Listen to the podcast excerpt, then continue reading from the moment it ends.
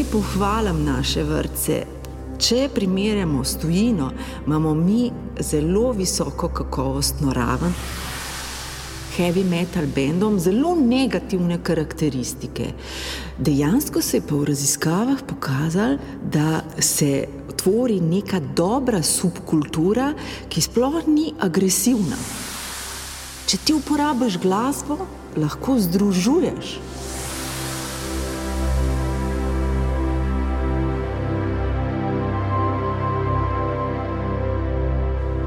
Lepo pozdravljeni, ljubitelji oddaje Sov in Luč na Radio Ognišče, v kateri bomo govorili o zdravilni moči glasbe z doktorico psihologije in glasbenico Katarino Habe.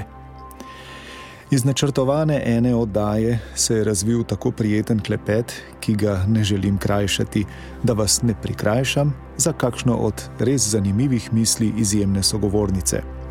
Tako bomo pogovor slišali v treh nadaljevanjih.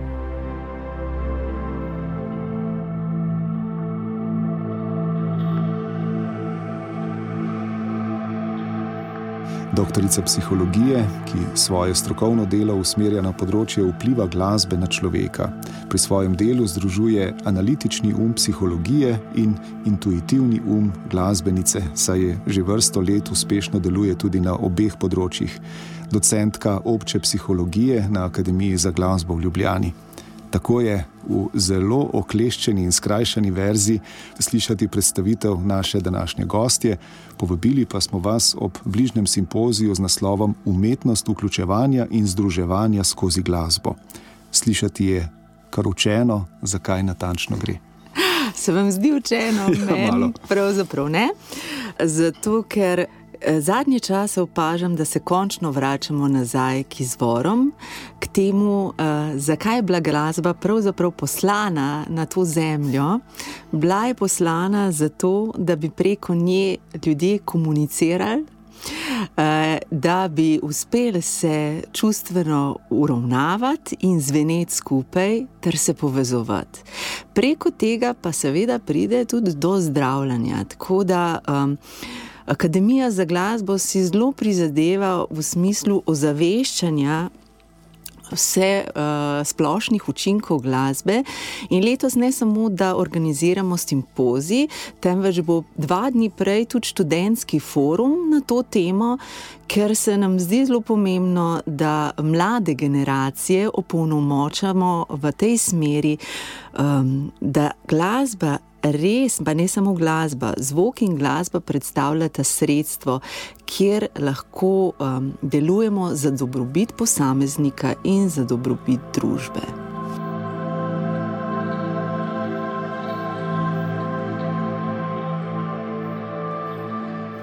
Glasbo poslušamo praktično vsi. Vemo, oziroma razumemo, da nas znana melodija razvedri, naprimer živahna, nas spravi v pogon, Manj pa je morda znano, da so učinki glasbe zelo raznovrstni in pa tudi pomembni za razvoj človeka. Tema je pravzaprav zelo preprosta, hkrati pa jo je zelo, zelo težko razložiti. Kje začnete, ko skušate predstaviti pomen glasbe pedagogom in staršem? Ja, morda začnem kar pri tem, da se učinki glasbe začnejo um, Eh, dogajati že v prenatalnem obdobju. Eh, številne raziskave v zadnjih letih, eh, predvsem z področja neurofiziologije, dokazujejo na učinke na vseh teh ravneh, o katerih kasneje govorimo, na telesni ravni, na čustveno-socialni ravni in na kognitivni ravni. Zdaj si težko predstavljamo, kako se lahko to meri, ampak če spremljamo odzive, gibalne odzive nerojenega otroka, lahko vidimo, kako se na tej motorični ravni čut stimulacija, ki mhm. pride prek ustrezne eh, zvočne stimulacije iz okolja. Sicer pa potem delajo raziskave, ko se otrok rodi, koliko hitreje napreduje v razvoju v primerjavi z nekom, ki ni bil zvočno glasbeno stimuliran. Tako da kar velik eh, res je bilo eh, narejenega na tem področju in potem spremljamo vse naprej čez življenjska, raznolika življenjska življenjska obdobja. In če se zdaj malo sprehodim naprej in dam morda v fokus določene teme, ki najbolj spadajo v določeno razvojno obdobje. Če vzamemo čista začetni del dojenčka, malčka, je glasba izjemno pomembno sredstvo povezovanja, ustvarjanja eh, dobre navezanosti med primarnimi skrbniki in otrokom. Na ta način, preko odnosnega vidika, mi krepimo vsa ta področja, ki sem jih že navajala. Torej, v ospredje pa je postavljen predvsem ta odnosni vidik, krepitev navezanosti, predvsem s pomočjo prepevanja. Zelo pomembno je, da uh, mamice, očetje, uh, sorojenci, ne, prepevajo z otrokom, muzicirajo v, v okolju glasbenega otroka. Pričemer ne še nekaj podarim, kar pa mogoče eh, prevečkrat pozabimo, da ne smemo pozabiti, da otrok kljub vsemu potrebuje tudi dovolj tišine. Mhm. Da eh, ne smemo. Prestimulirati njegovega zvočnega aparata, temveč moramo pustiti tudi dovolj praznine, da lahko sprocesira vse to bogatstvo zvočno-glasbenega sveta.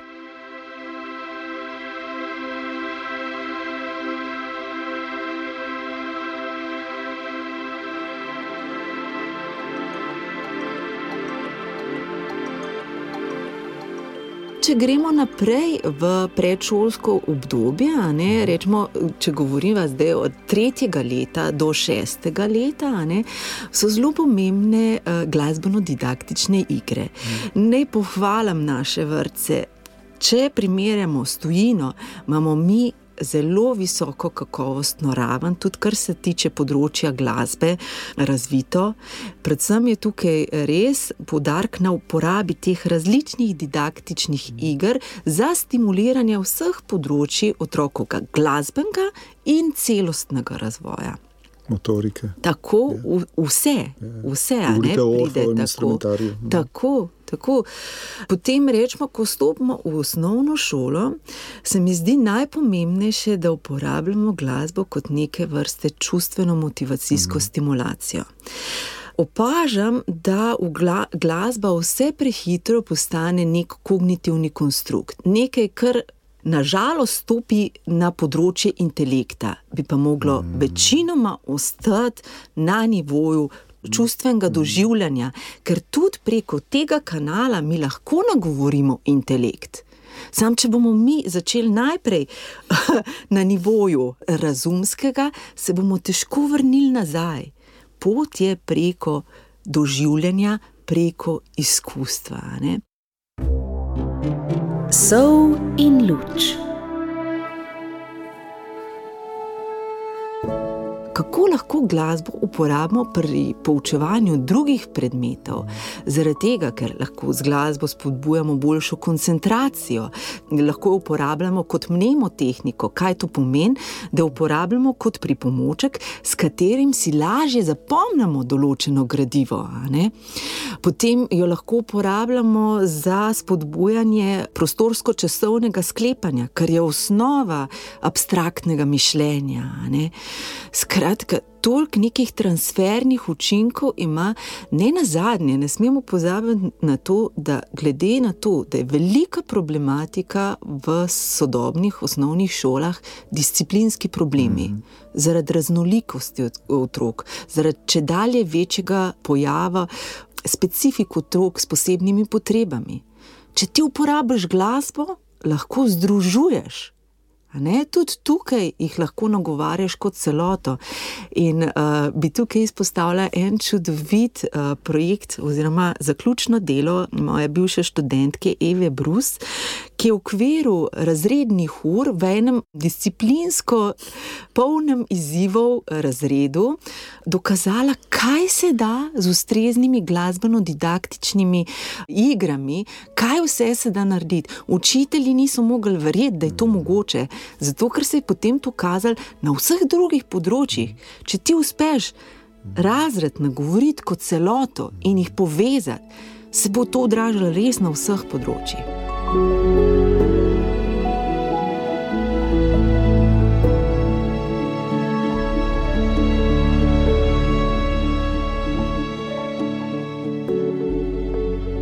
Kako praktično izgleda, recimo, ena taka? Praktično to tako izgleda, da pride, rečemo, ena ura na razpolago uh -huh. uh, in ne odstopamo, rečemo, od tistega okvira, kar je učni načrt, uh -huh. tega se drži, ampak se da vsako uro v ospredje uh, nek čustveno-socialni izziv, ki ga želimo vključiti v določeno glasbeno vsebino.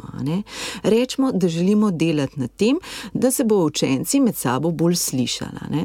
In lahko delamo enostavno, uporabimo eno tehniko, ki izhaja iz glasbene terapije, kjer s pomočjo improvizacije prek orfoga inštrumentarja uh, more. Učenec posluša drugega, in kjer si z, oč z očesnim stikom pozovejo naslednjega, ki bo na vrsti in more najprej ponoviti tisto, kar je predhodnik naredil, in dodati nekaj svojega. Ne? In potem se to nadaljuje, kar pomeni, da to tudi koncentracijo ur, hkrati eh, čuječnost pri učencih spodbuja in jih povezuje v celoto.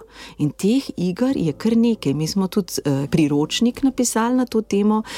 Oblikovanje čustev in vedenja preko glasbe je prosto dostopna, da se delati čudeže.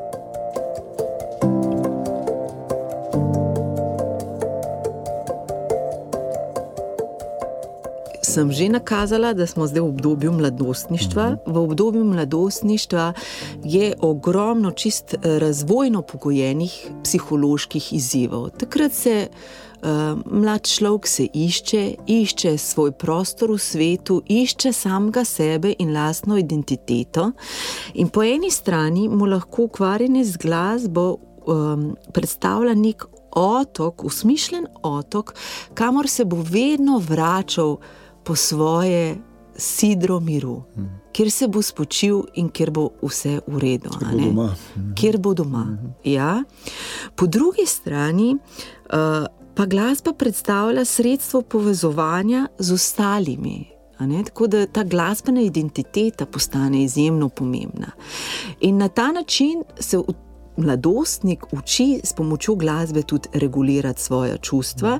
Tako da, uh, ravno sem končala en članek na to temo, kako lahko glasbo uporabljamo ne samo pri običajni regulaciji čustvenih nihanj, ne v mladostništvu, ampak kako glasbo uporabljamo eh, rečemo, pri obvladovanju anksioznih, depresivnih stanj, eh, samopoškodovalnih teženj, suicidalnih nagnjen, ker tega je med mladimi nažalost, če dalje več. Sploh po obdobju korone se mi zdi, da je prišlo do poplave, do pravega vznika vseh. Uh, mentalnih problemov. Ampak tako se mi zdi, oprostite, če vas morda prekinjam, ampak uh, kot starš, ko gledaš svojega mladostnika s slušalkami, ponavadi, mm. kako um, se mi zdi, da je ne mogoče drugače. Uh, aplicirati uh, vse te stvari, ki so seveda uh, zelo koristne, drugače kot tako, da ga družba nagovori in ga povabi ne vem, v nek zbor, v neko uh, skupino, ki se ukvarja na ta način ali se motim? Ne, sploh v obdobju mladostništva to je najpomembnejši vzvod. Mhm. Tisto, kar bojo rekli vrstniki, tisto bo njihova resnica. In uh, zato je še posebej pomembno v tem času, da se mladi združujejo, bodi si v glasbene skupine, bodi si so to orkestralne zasedbe um, ali so zborovske zasedbe. Uh, sploh ni tukaj pravila, kaj vse je je tisto, kjer se lahko mladi združujejo preko glasbe. Sam vstop uh, v skupnost preko um, vrstnikov je v tem času izjemnega pomena, je pa potrebno to stimulirati. Mm. In uh, tukaj rada dajem za primer um, ravno tukaj to šolo, ki imate mm. v svojem bližnjem okolišu, uh, kjer mora biti tudi učitelj tako navdihujoč, tako žareč, da potegne mlade generacije za sabo. In to, da se mladi grebejo, da želijo pet v zboru, pa kje je še to prisotno? Tukaj je, a ne? Ja. In se da.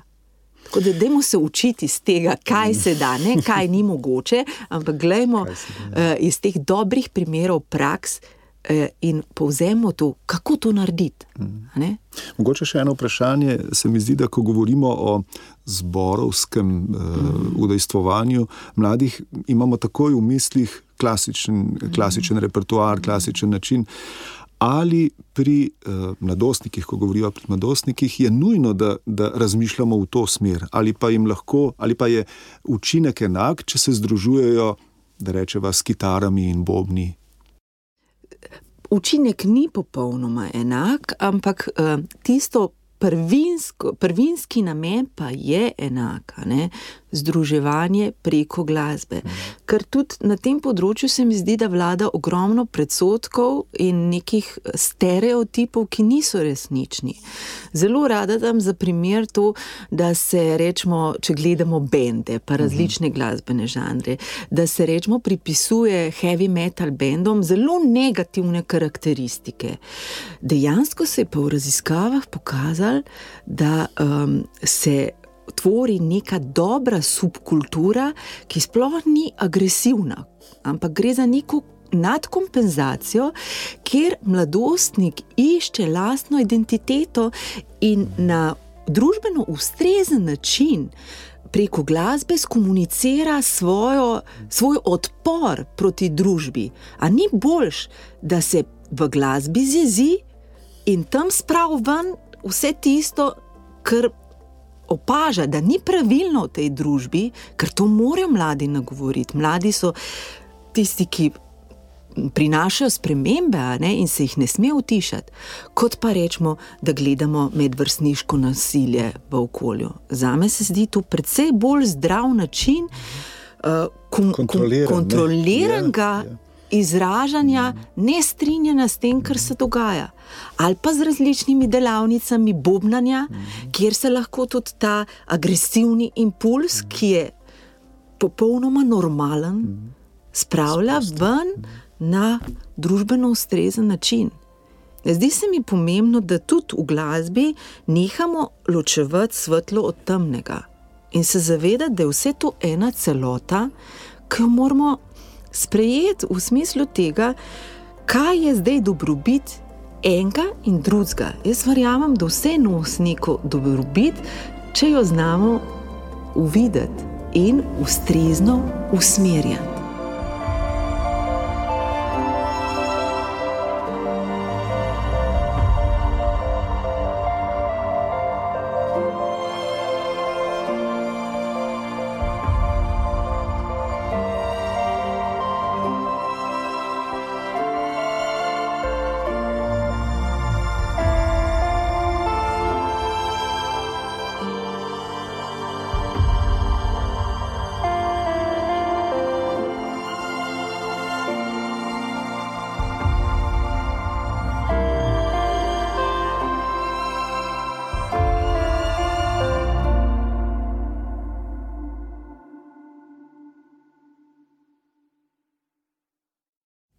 Dragi ljubitelji oddaje Sov in Luč, poslušali ste prvi del pogovora z doktorico psihologije in glasbenico Katarino Habe.